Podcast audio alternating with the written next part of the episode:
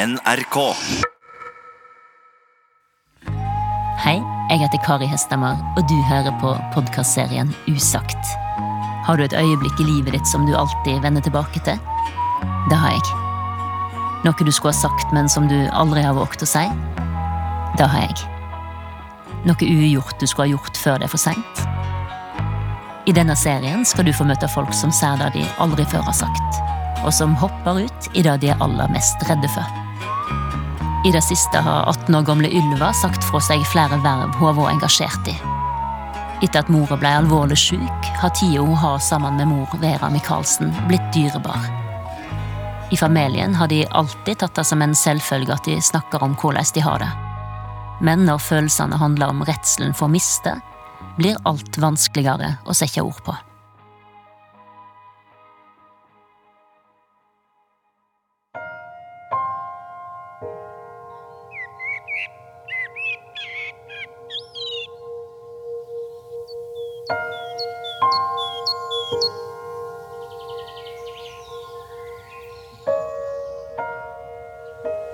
Det ligger jo en deadline for alle.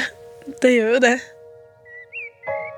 Men eh, når det ligger i en Altså når man ligger i en sykeseng og sier at man har det vondt Man føler jo et større ansvar, da.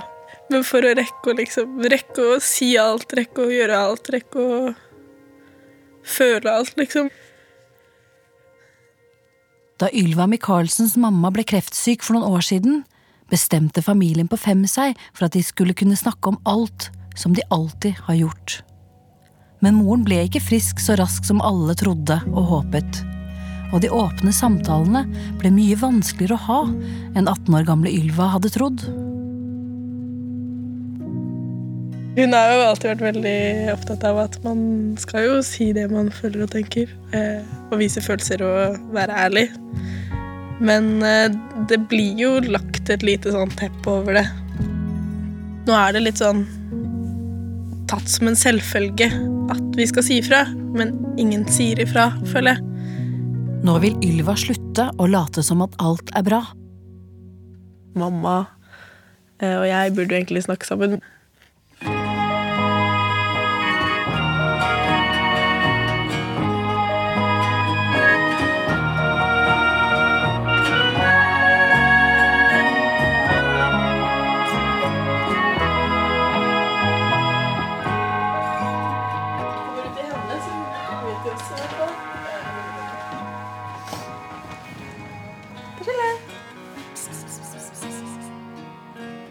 Det går en katt og mjauer i den skarpe påskesola på Leirsund.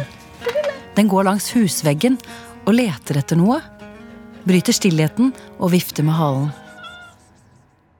Eh, og nå er det sånn at den hele tiden leter etter noe. Den går rundt og mjauer og leter og vet ikke hvor den skal. Eh, fordi mamma pleier alltid å sitte liksom i hjørnet av sofaen med pus på fanget. Ylva er naturverner, ofte sett med tegnesaker eller et filmkamera. Og hun elsker ørepynt. I dag henger det gullstaver som ender i bitte små perler i ørene hennes. Hjemmestrikka pusegenser. I det siste har hun sagt fra seg flere verv hun har vært engasjert i. Det er noe som har blitt mye viktigere enn å hindre oljeboring i Lofoten eller å jobbe for en fredeligere verden. Nemlig tiden hun har sammen med moren. For første gang moren fortalte at hun hadde kreft, gikk Ylva fremdeles på ungdomsskolen. Mens nå er Ylva russ på Lillestrøm videregående skole. Hun har et åpent, blått blikk. Ylva har fått rollen som den rolige i familien. Den følsomme. Hun som kjapt veksler mellom tårer og latter. Søsteren i midten. Jeg har en lillesøster med kromosomfeil. Eh, hun er den yngste. Eh, tre år yngre enn meg, tror jeg. Ja. Eh, jeg er i midten, og så er jeg storesøster som vi er, vi er ganske like, egentlig. Eh, og så er vi mamma og pappa. Mamma er nå syk. Lite hår. Alltid blid. Ofte vondt, men ler. Det er Vera Michaelsen som er moren til Ylva. Et kjent fjes og en kjent stemme for barn og ungdom. Lørdagsbarntimens nye programleder dronning Vera Michaelsen. Ja! Takk, det var det hyggelig. Ja. En vinner er utsprungen, og det er Det er faktisk to. Jon og Tove. Hallo? Hallo. Vera Michaelsen har vært programleder i barne-TV. Hun har laga radio for barn og skrevet flere bøker. Så er det tilbake igjen til studio, og da skal du gjøre filmen av det store Livet er fullt av traumer. Øv deg på å tåle det, sier Vera Michaelsen. Og for noen år siden ble hun intervjuet i NRK om hvordan man kan øve seg på å være flau. når vi er i butikken, og jeg ikke har dekning på konto, noe som skjer dessverre ganske ja, altfor ofte, så ser jeg at uh, ungene de fader ut. De går og gjemmer seg bak uh, handlereolene og matvoiene. og da roper jeg på dem. Kom her, unger! Kom her! Kom og stå ved siden av mamma! Kom og stå i skammen, sier jeg. Og så se på alle i køen. Se, å, å nå tenker de stygge ting. Å, kjenn, kjenn. Å, kjenn hvor varm du blir i kinnet. Å, så grusomt. Å, risler gjennom kroppen. Å, og da står de der og lider sammen med meg. Og så, eh, nå går det jo veldig mye bedre. Men helt til slutt, da, et spørsmål da, ja, men hvordan klarer du da å gi barnet en følelse av en verdig utvei? eller noe sånt? Ja, Det handler jo om på at vi står sammen i det.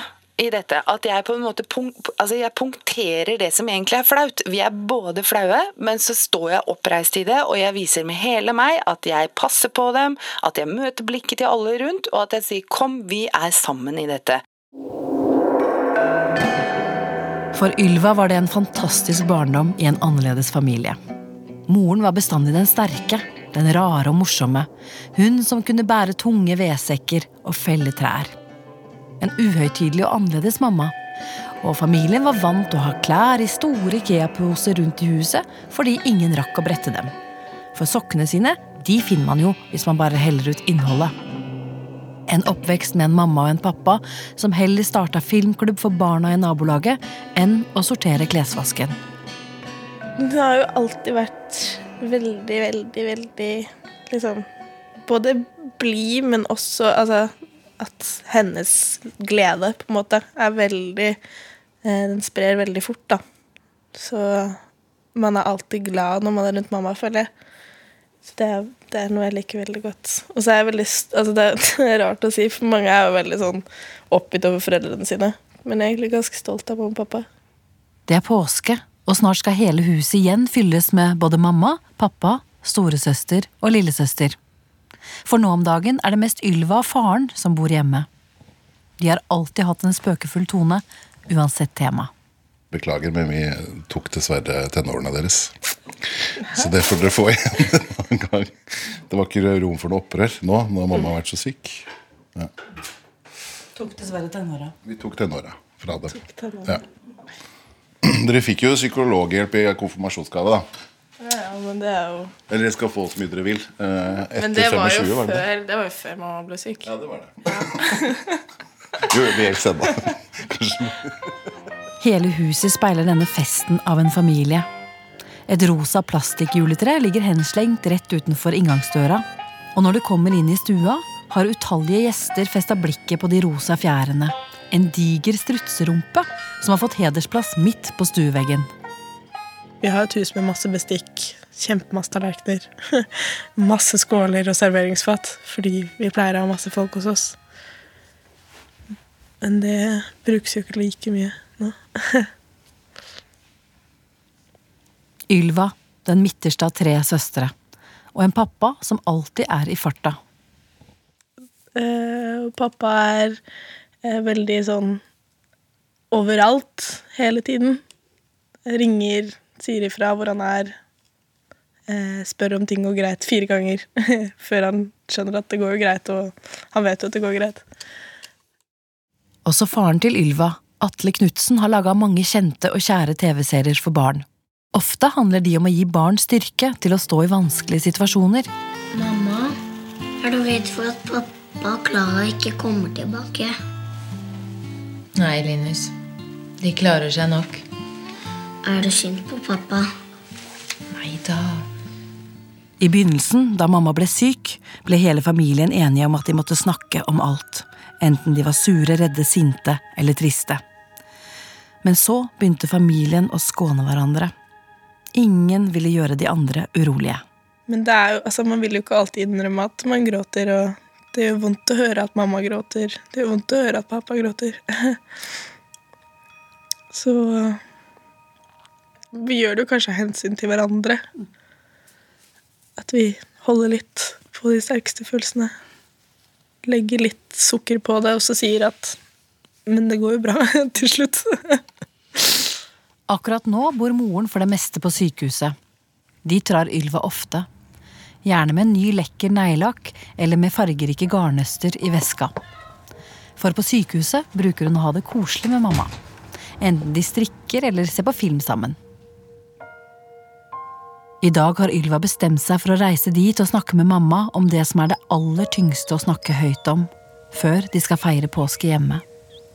Snakke om døden. Moren har vært kreftsyk siden Ylva begynte på ungdomsskolen. Det var en kveld hun var kjempeglad og trøtt, hvor hun nettopp hadde kommet hjem fra en ungdomscamp med lillesøsteren sin, at hun skjønte på moren at noe var alvorlig. Så hadde mamma fått vite, da, av alle de testene hun tydeligvis hadde tatt, at hun hadde fått kreft. Og da var det veldig sånn Hun satte seg ned, var sånn Dette er eh, viktig, vi vet masse informasjon, det kommer til å gå bra.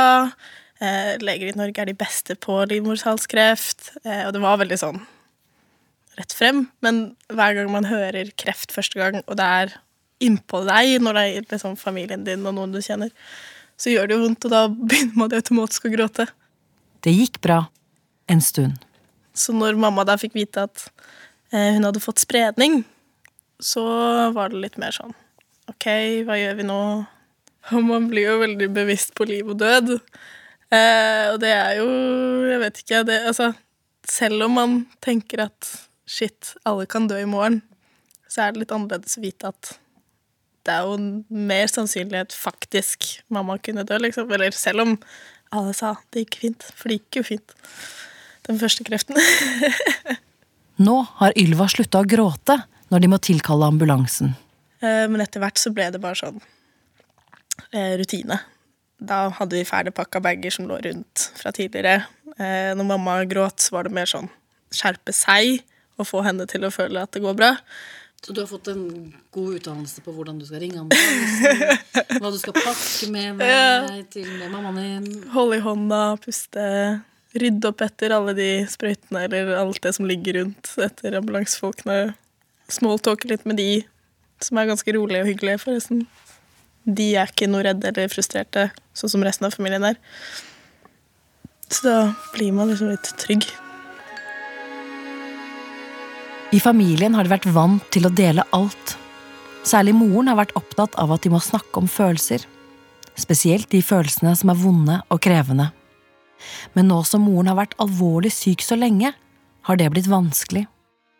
For hvilke svar kan en mor gi dersom en datter sier at hun er redd for å stå igjen alene, uten henne? Hun har jo alltid vært veldig opptatt av at man skal jo si det man føler og tenker. Eh, og vise følelser og være ærlig. Ylva har slutta å fortelle hvordan hun har det. Fordi jeg merker jo med en gang man sier kreft, så blir jo folk bare oh, oh, oh, ubehagelig. Noen kommer til å dø, liksom. så verken venner eller lærere vet så mye. Det som ligger tyngst for meg, er jo det å liksom innse at mamma faktisk er syk. Det å bare si liksom Shit, jeg vet ikke om det går bra. Eh, at man tenker ofte det verste scenarioet, og man vil ikke si det høyt, for da blir det ofte liksom det blir kanskje mer realisert. Jeg vet ikke. Så jeg merker jo jeg merker at det er lett å vise at man er glad i hverandre. Eh, men det er ikke lett å vise at hva skjer hvis man mister de man er glad i, da. Og det Ja, det, det, det er litt sånn Litt sånn vanskelig å si høyt. Jeg vet ikke. Det blir sånn ukomfortabel av det. Det er mange ting som har endra seg for Ylva etter at mamma ble syk. Før bodde alle stort sett hjemme. Men nå er det sånn at alle er veldig spredt. Fordi søstera mi er Lillehammer, hun eldste, Selma. Og så Milla er veldig ofte på avlastning. Fordi det er jo Altså, hun er ikke en byrde. Det er hun ikke, for hun er jo en søster og hun er familiemedlem. Men hun eh, trenger mer tid enn det pappa og jeg har nå som mamma er på sykehuset. Så det er også det mamma er på sykehuset, og så er jeg og pappa hjemme. Roller i et hjem endres og forrykkes. Istedenfor å smelle igjen døra og trampe ut, forsøker Ylva nå å rydde på kjøkkenet og passe på lillesøster. Og noen følelser er mer krevende enn andre. De forbudte følelsene. Ylva har dårlig samvittighet for at hun har vært irritert og lei, samtidig som hun lengter etter å leve det vanlige hverdagslivet. Det var en periode faktisk eh, hvor jeg var skikkelig sur på mamma. og da Fordi jeg følte at hun eh, Eller det var mer jeg, da, som følte at det er dumt å være syk. Alt hun gjorde, ble jeg sur på. Og det er jo ikke Altså Jeg vil jo kunne være sur på mamma. Men når man tenker på liksom Kanskje vi har dårlig tid, så kan man liksom ikke være sur, men det er jo Ikke sant? Så det er liksom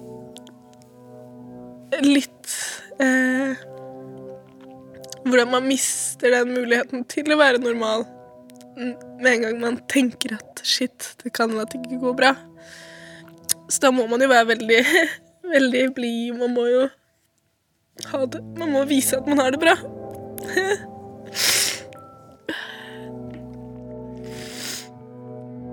Ylva vil være der for moren sin. Sette egne behov til side når hun er på sykehuset. Ikke være en byrde. For ikke så lenge siden, mens vinteren var på sitt kaldeste, hadde moren så sterke smerter at hun måtte legges i kunstig koma.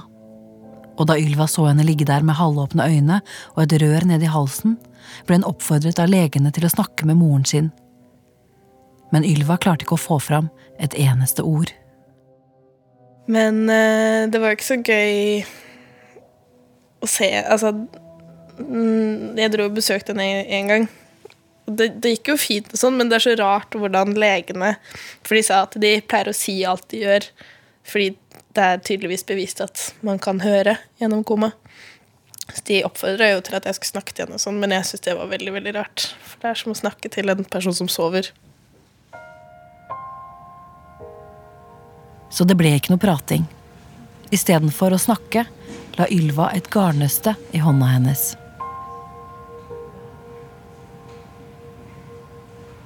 Så, men jeg satt der og strikka litt, da. Lot som at jeg strikka med henne.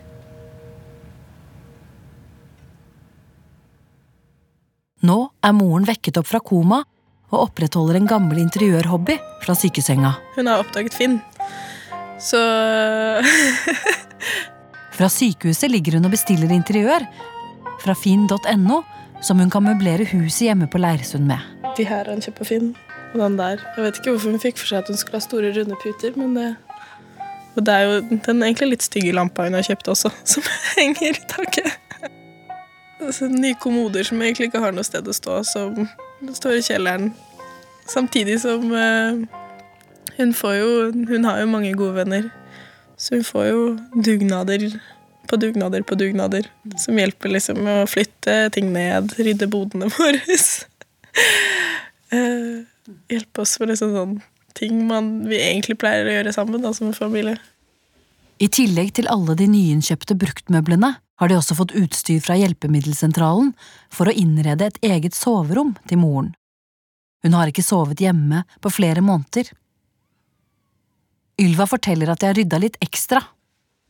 Men faren Atle protesterer. Vi rydder ikke ekstra. Det er alltid ryddig her når ikke hun er det. Det har vi funnet ut når hun ikke er hjemme, så er det veldig ryddig her. Det er hun som roter. Men, eh, men nå er det litt eh, ekstra, da, for du skal prøve å overnatte.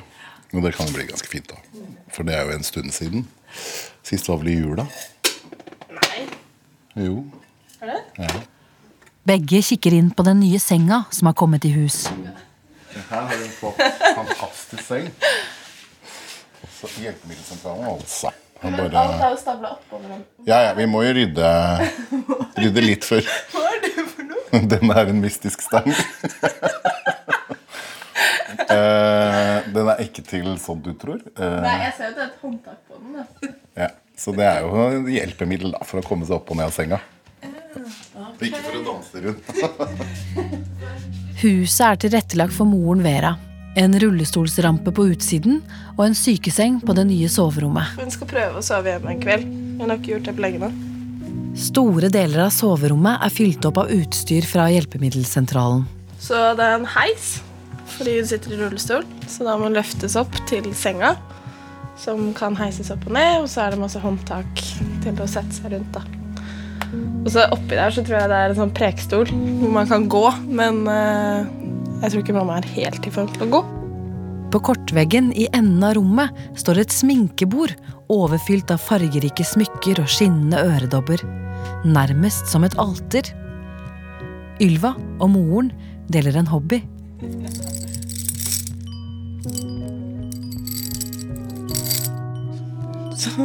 Vi har en liten øredobbedille, kan man si.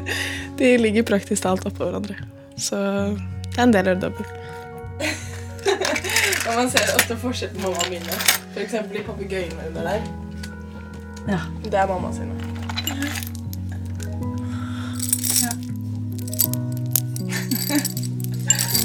Og så deler vi det meste. Men perlene er mine, da. Ylva er kanskje den som besøker moren sin aller mest i familien. Hver gang hun er der, passer hun på å få med seg alle detaljer på hva hun har gjort, filmer hun har sett og hva hun opplever med venninnene. Alt det livet som utspiller seg på utsiden av veggene i femte etasje på Akershus universitetssykehus. Selv om hun ikke alltid forteller hvordan hun har det, er det blitt viktig å fortelle om hva hun har gjort. Passe på å få med seg alt. Men jeg bare føler at til mamma så blir det mer sånn påtvunget at jeg må fortelle hva som har skjedd, eller det blir sånn Jeg sier det fordi tenk om hun ikke får høre det seinere. Istedenfor at det blir Jeg vet ikke naturlig. Så mamma er jo den jeg tenker på mest, men det er også den jeg føler mest ansvar for. Selv om hun er mammaen min, liksom.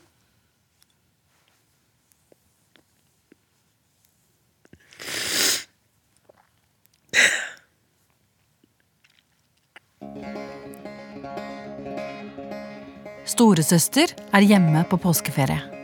Drar du, Selma? Når er det du kommer hjem? Milla. Ja. Kjører Selma? Ja. ja. Nei. Nei, ikke ta det! Åh, ok. Nå som storesøster har flytta ut, er det Ylva som blir den nærmeste til å ta seg av lillesøster Milla. Jeg passer jo på henne, og jeg legger henne, og jeg av og til tar jo liksom og gir henne mat. Og jeg tror det gjør at hun skjønner at jeg passer altså at jeg tar vare på henne. Eh, som gjør også at hun viser takknemlighet på sine egne måter. Gir en klem, men slikker deg på kinnet etterpå, liksom. Lillesøster liker best faste rutiner. Hun skjønner jo at mamma er syk, og hun skjønner jo når hun er på sykehuset at det er noe feil. Eh, og så spør hun jo hele tiden kommer mamma hjem i dag, eller blir irritert hvis hun ikke er hjemme når hun kommer hjem. For det er jo også en rutiner hun er vant til, ikke sant, at mamma er der. For hun tror ikke hun helt skjønner hvordan hun skal Det gjør jo egentlig ingen av oss, føler jeg, hvordan man skal takle det. Eh, skal man sitte og gråte hele tiden? Skal man være sint hele tiden? Og hun sier jo veldig ofte at når hun blir sint, da, så sier hun bare at 'jeg har lyst til å sparke og slå'. Alle vil jo bare sparke og slå. Noen ganger er det deilig å skrike høyt.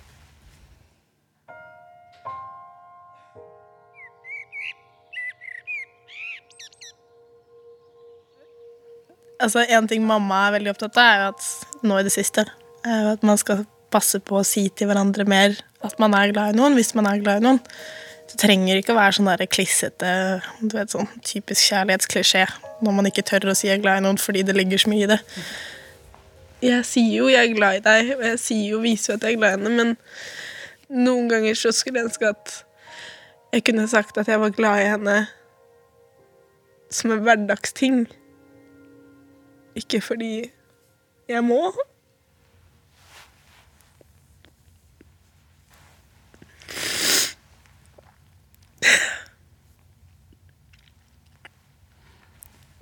Det ikke blir den At det blir den Du løper ut av døra fordi du må rekke bussen og roper 'jeg er glad i deg', istedenfor Nå går jeg ut av sykehuset og er redd for hva som vil skje. Jeg er glad i deg.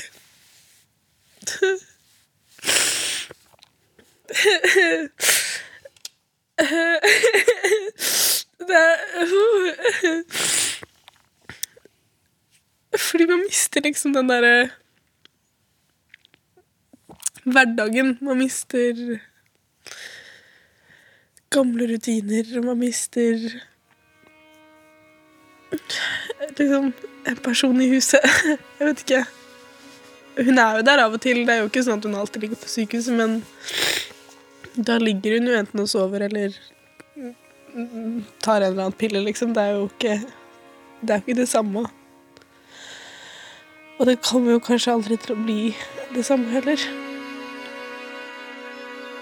På veien utenfor Akershus universitetssykehus Vi skal jo til sengebygg 3, så det er kortere. Kjøttmeisen har nettopp begynt å plystre sine vårlige lokketoner. Så det er jo det som er lett. Ylva kikker gjenkjennende opp mot de store vinduene på sykehusbygget, som gir gjenskinn i den skarpe påskesola. Hvor mange ganger har hun ikke satt seg på bussen, trosset hustrige høstdager, gått i slaps og mørke vinterkvelder, småløpt mot inngangsdøra. Trukket inn lukten av sykehus nok en gang, trykket på de samme dørknappene og irritert seg over å måtte vente på heisen som tar henne til femte etasje. Det er så mye, det er veldig irriterende her. Man får så mye støt. Dørene lukkes. I dag har Ylva med vilje lagt igjen neglelakken, øredobbene og strikketøyet hjemme. For nå har hun forberedt seg til en annen samtale. En samtale som ikke skjuler eller dekker til. For begge vet at de har sett døden i øynene. Femte etasje. Dørene åpne.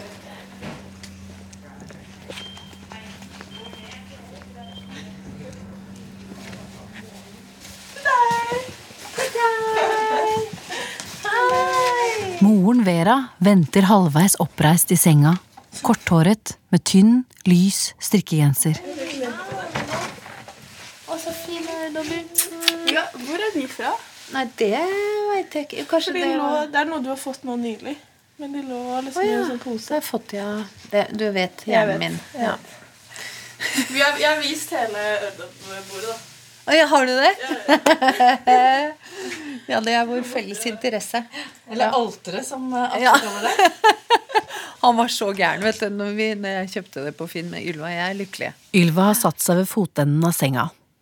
Siden sist hun var på besøk, har moren komponert en sang om den kompliserte sykehistorien. Jeg har jo en skillingsis av en sykehistorie. Sånn at eh, Ja, ja, ja, jeg har skrevet ti vers. Erik Prest og jeg. For Erik Prest spiller gitar. For kreften hennes kom tilbake, sammen med voldsomme smerter og en hjernehinnebetennelse som gjorde at legene la henne i koma. Eh, og så våkna jeg i koma, og etter det har det for så vidt gått ganske greit. Så nå driver jeg sammen med legen og prøver å trappe ned på spinalkateteret. Fordi det som er ulempen med spinalkateter, det er at man blir lam. Og det er så tungvint. Så, eh, så kombinert med at smertene går litt opp og ned, og at jeg er lam, gjør at jeg blir liggende på sjukehuset. Og det er jo helt latterlig ubrukelig, om jeg skal være helt ærlig. Får ikke gjort så mye. Det er kjempeteit. Så mitt håp er at jeg skal kunne gå igjen. Men altså, jeg kan leve i rullestol òg. Jeg blir nok ikke 85. Det tror jeg ikke. Men kanskje 65 kan jeg håpe på. 55. Ja. Jeg veit ikke. Jeg har jo fortsatt kreft. Ylva tenker tilbake på da moren felte trær og bar tunge vedsekker, og syns det er vanskelig at det å snakke om tiden de har til rådighet, tøyses vekk. Hun vil vite hva som skjer videre, og for første gang på lenge tør hun å spørre. Det jeg tenker mest på da, når det kommer til død, er jo at dere, du og pappa er så veldig 55, 65, 75 Ja, ja, ja, ja. Men vi er jo litt vant til å få Sånn som det med krefter, vi er vant til å vite når ting skjer. Og det er så forskjell på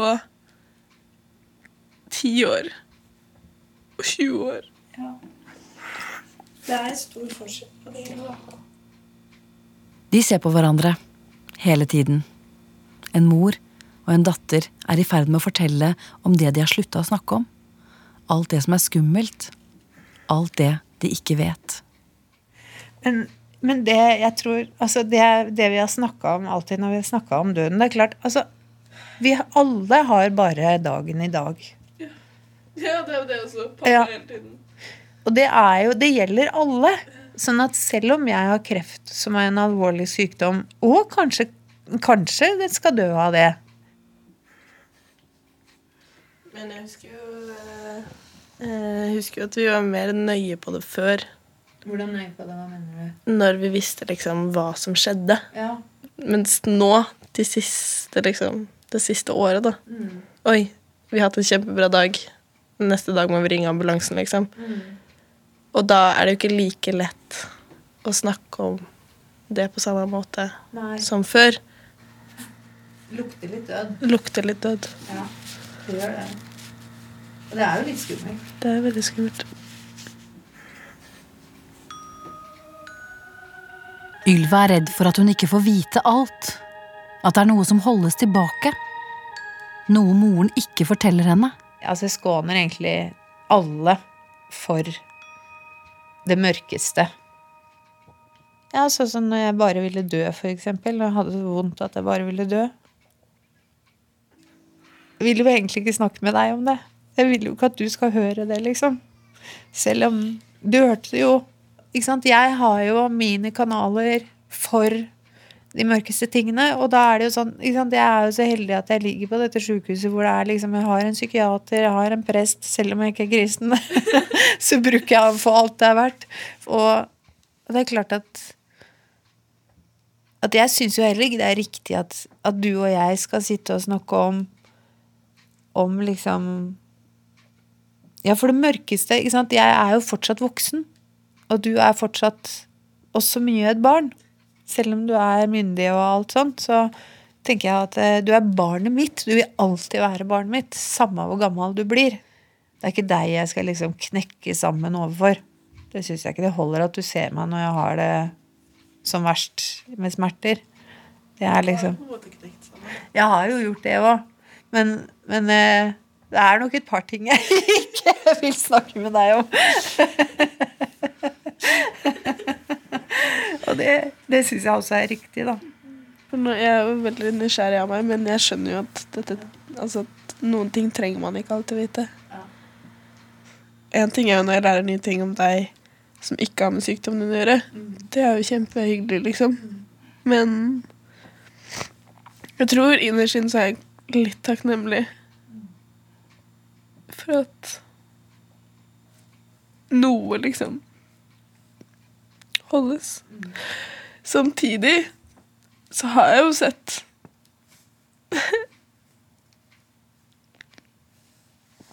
mer enn man kanskje liksom Og det er jo det du kanskje da prøver å skåne meg for. At det ikke blir enda mer av det. Men det er jo Man blir jo Altså Man blir jo redd. Selvfølgelig. Når man ikke vet alt.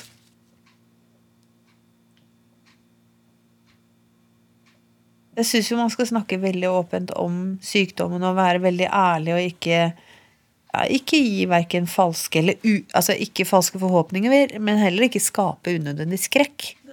Det er du som setter oksynorm på meg når jeg får vondt. Det er du som setter Stesolid på meg når jeg får angst. Øv deg på å tåle livet, for det er fullt av traumer. Det har vært en del av oppdragelsen til Ylva og resten av søsknene. Noe moren oppdaget en gang da hun satt med storesøsteren til Ylva på fanget, Selma, som den gang var baby. Så satt jeg på kontoret til en, eh, en kriminolog som dessverre er død, som het Nils Kristi, for han var stefaren til venninna av meg som jeg venta på. Og så satt jeg på kontoret hans, og så satt jeg med Selman på fanget og gråt og bare 'Jeg har traumatisert henne allerede!' Og da sa Nils at det, det er ingen som går gjennom livet. Hva er et menneske uten traumer? De er jo Altså, de som er sånn glatte og har fått en blankpolert oppvekst, liksom, det er ikke noe bra. Og det er klart at det at eh, Jeg syns jo at eh, du, dere har fått litt mer enn dere trenger, egentlig. Så det hadde ikke vært helt nødvendig at jeg ble så dårlig. På en måte på toppen av Milla og på toppen av alt, liksom.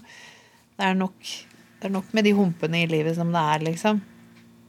Ylva har øvd og øvd på å tåle de fleste følelser. Blitt trent til å stå i skammen når moren ikke har hatt penger på kortet, eller når lillesøster har hylt og trampet i all offentlighet i byen. Men hun har også kjent på en sterk følelse av tilhørighet. Og kjent på kjærlighet. Jeg føler jo på en måte at nå er vi like Altså at vi er bedre venner, da. Ja. At vi kanskje ikke før var liksom så gode venner. At vi samtidig som det er datter og mor, så er vi også at vennsk vennskapet har blitt sterkere. Jeg vet ikke. Egentlig så burde jo alle få litt alvorlig sykdom. Fordi jeg, jo, fordi jeg har tenkt så mye på hvor unødvendig det er å krangle så mye, da. For vi har jo krangla en hel del. Og så føler jeg vel kanskje at det? Du er jo et følelsesmenneske, Ylva. Sånn, og det er jeg òg. Og da føler jeg Det er jo så fint, fordi da vi kan gråte sammen, og vi kan le sammen. Jeg føler, jeg, jeg føler at vi kan snakke veldig åpent om ting. Og jeg tror på et eller annet vis at du har ganske god kontroll på denne litt grusomme denne grusomme situasjonen, for det er jo grusomt. Men det er jo også veldig fint. Fordi da kjenner man hjertestrengen som går mellom oss. På en ny måte. De vil alltid være mor og datter, men likevel har de blitt bedre venner. Alle sånne teite ting som blir sånn hverdagslige krangler og sånn, det er ikke noe vits i lenger. Fordi at eh, både at vi kjenner på, ikke sant Vi har på en måte sett døden i øyet. Og det er jo, det er jo noe med når man får kreft, så får man litt sånn dødskysset. Jeg er på en måte ikke bare lei meg for at jeg er blitt sjuk, jeg er også veldig glad. Fordi jeg føler vel kanskje at jeg har liksom blitt tvunget til å si at jeg elsker deg til absolutt alle, og også til deg, liksom, Ylva. Du må ikke gråte, for da blir jeg, må jeg også gråte. Det er så smittsomt. Jo, men jeg føler jo på en måte at vi er kommet mye nærmere hverandre. Ja. Og så er jeg jo så veldig glad for, fordi Ylva er vel den som kanskje besøker meg mest, i tillegg til Atle. Nei, vet du, du har, eh, du har slått han nå i det siste. ja. Det er snart tid for Ylva å hjelpe moren Vera ut av senga. Opp i rullestolen og trille henne ut av sykehuset. Hjem tilbake til huset på Leirsund. Til katten som lengter langs husveggen. Begge skal hjem for å feire påske. Med en hjertestreng som vibrerer enda sterkere i bagasjen. Og en sterk bevissthet på å leve her og nå. Jeg, jeg, av og til så tenker jeg at det, Altså, jeg tenker ikke så langt fremover. Men det er jo noen ganger jeg tenker sånn Altså mørkt fremover, holdt jeg på å si. at uh,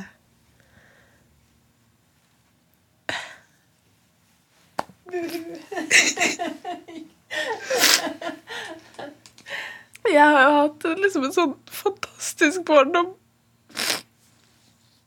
Jeg har liksom alltid tenkt at jeg kommer til å trenge deg, da. Jeg har alltid tenkt at du kommer til å være der. Men eh, Man klarer seg jo med en dag av gangen. Altså, jeg har levd 18 år. Carpe diem! Ja. Lev i nuet. Mindfulness. Mindfulness every day one step at a time. Ja. Så det er jo gult til at de klisjeene er så klissete. ja. De er jo, det er jo rot i sannhet i alle klisjeer. Det er derfor de er blitt klisjeer. Ja. Jeg syns jo man skal snakke om følelser. Ja. For det er jo det du har lært meg. Ja. Du har skrevet en bok om følelser. Det var du som lærte meg det. Den svenske forfatteren Per Olov Enquist sa i et radioprogram en gang En dag skal vi dø, men alle andre dager skal vi leve. Da kan vi stå sola. Ylva triller Vera ut i påskesola. Å, så deilig. Lite grann, liksom. Ok, men uh, ha, ha. Ha det fint. Ha det godt. Ha det.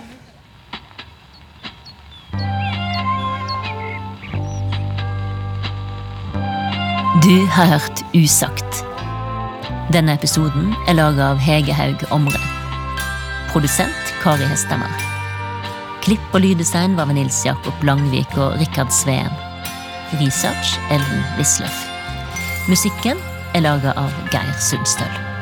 Og hvis du likte dette, sjekk ut Usagt for flere episoder.